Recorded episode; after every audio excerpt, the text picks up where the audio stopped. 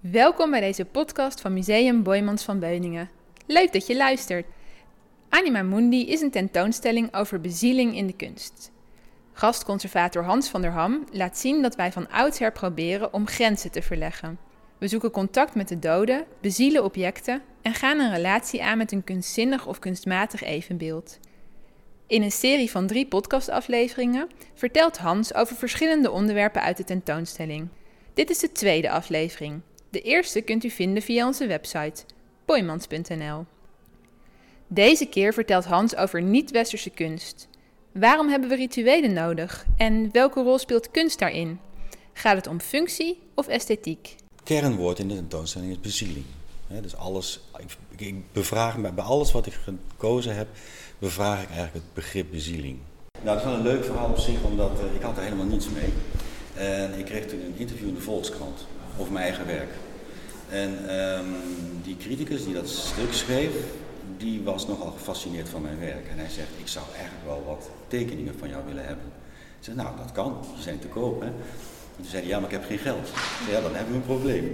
Maar hij was een verzamelaar van etnografica. En hij zegt, is dat, zou je niet wat willen ruilen of zo? Zou je niet wat dingetjes willen ruilen tegen tekeningen?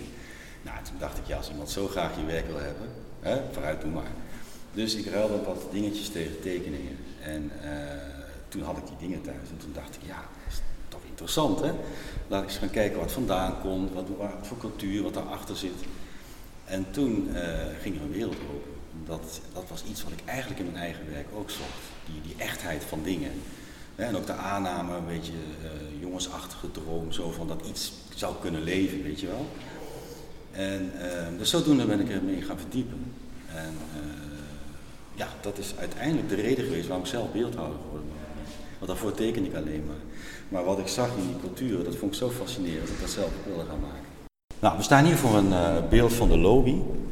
De Lobi die zitten in West-Afrika. Die zitten op de grens van uh, Ivoorkust, Burkina Faso en Ghana.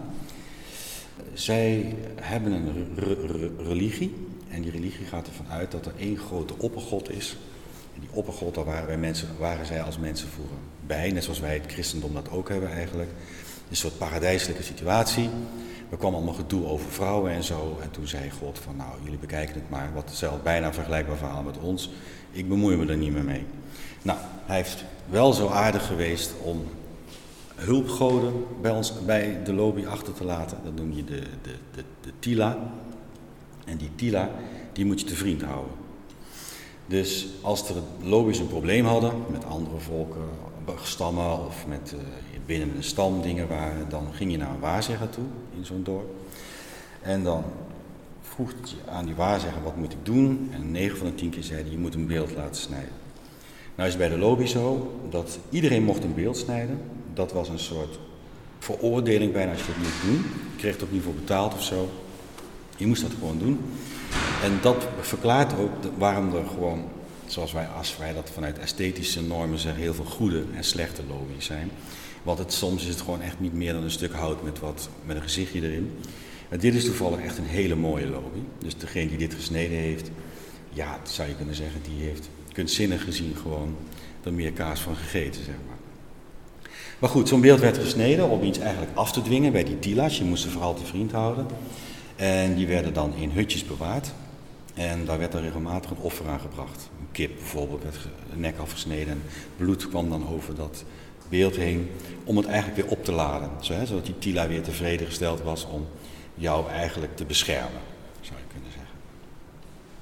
Nou, wat ik fascinerend vind, is dat ze bij ons in de, in de musea terecht zijn gekomen. Maar voor die mensen is het totaal niks moois. Zij hebben, dus wij zien daar een soort esthetische waarde koppelen wij daar aan. Het zijn ook prachtige dingen. Maar als je aan een mens, iemand vraagt uit die cultuur om iets moois te maken, maakt ze heel iets anders. Dus voor hen heeft het een functionele waarde. En voor ons heeft het een esthetische waarde. En dat dat, dat samenkomt ergens, dat vind ik heel fascinerend. Op die manier ben ik ook naar, anders naar mijn eigen werk gaan kijken. want dan ben ik gaan kijken, waarom vinden we dat nou zo'n fascinerend stuk? Wat, wat, waarom is dat zo, dat je het ook echt bijna voelt, waarom zo'n beeld bezield is. En ja, dat is ook op een of andere manier in mijn eigen werk terechtgekomen. Dat ik misschien stiekem ook die aanname heb dat wat ik zelf maak ook een beetje bezield zou kunnen zijn. Nou, wat we hier zien is een, uh, een spijkerbeeld.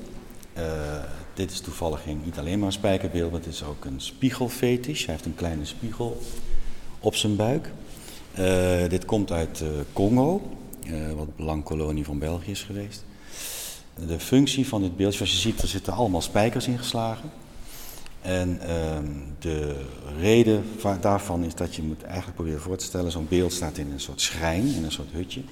Alleen maar de man die daartoe bekwaam is, de tovenaar, de medicinale man, die mag dat kistje, uh, dat die schrijn openmaken en communiceren met dat beeld. En iedere keer als er iets belangrijks in dat dorp moest gebeuren, dan werd er een spijker in het beeld geslagen, als zijnde dat die, je moet je voorstellen dat het een soort accu wordt die opgeladen wordt. Dus voor die mensen was dit een ongelooflijk magisch beeld. Dit was het allerbelangrijkste ding eigenlijk van het hele dorp. Het werd ook gebruikt voor rechtspraak. En uh, het is dan zo dat iemand die, die werd dan bijvoorbeeld uh, beschuldigd van iets. En diegene ontkende dat dan bijvoorbeeld. Dan moest hij een lik geven op het spiegeltje. Maar hij wist als de, de nkisi die in het beeld zit, de geest die in het beeld zit, die weet natuurlijk of hij schuldig is of niet. En als, als hij schuldig zou zijn en hij likt aan het spiegeltje, dan valt hij op, op neer. Dus je kunt je voorstellen dat die mensen zo angstig waren voor dat beeld om de waarheid te vertellen, dat ze dus echt wel de waarheid vertelden. Snap je? Dat zat er dus eigenlijk achter. Ja, dat is eigenlijk uh, het spijkerbeeld. Ik heb hem heel bewust naast een Christusbeeld gezet, omdat dat eigenlijk voor ons ook een soort fetisch natuurlijk is, alleen op een heel andere manier. Wij gaan er niet vanuit dat, uh, dat dat beeld zelf bezield is, maar het roept natuurlijk op, bij ons iets op. Ja, het lijden van Christus, het hele christendom, het, christelijk, het verhaal van, van, van Jezus komt hier eigenlijk uh, naar, naar voren toe. Het is ook een prachtig gemaakt beeldje. dus dat heeft ook nog eens een extra soort uh, aantrekkingskracht. Ik vond het heel mooi als combinatie, omdat de twee totaal verschillende culturen ja, op een bepaalde manier toch met bezieling omgaan eigenlijk. Nou, we staan hier bij uh, ex-foto schilderijtjes. Ze komen uit uh, Mexico, waar dat heel erg uh, in die cultuur leeft.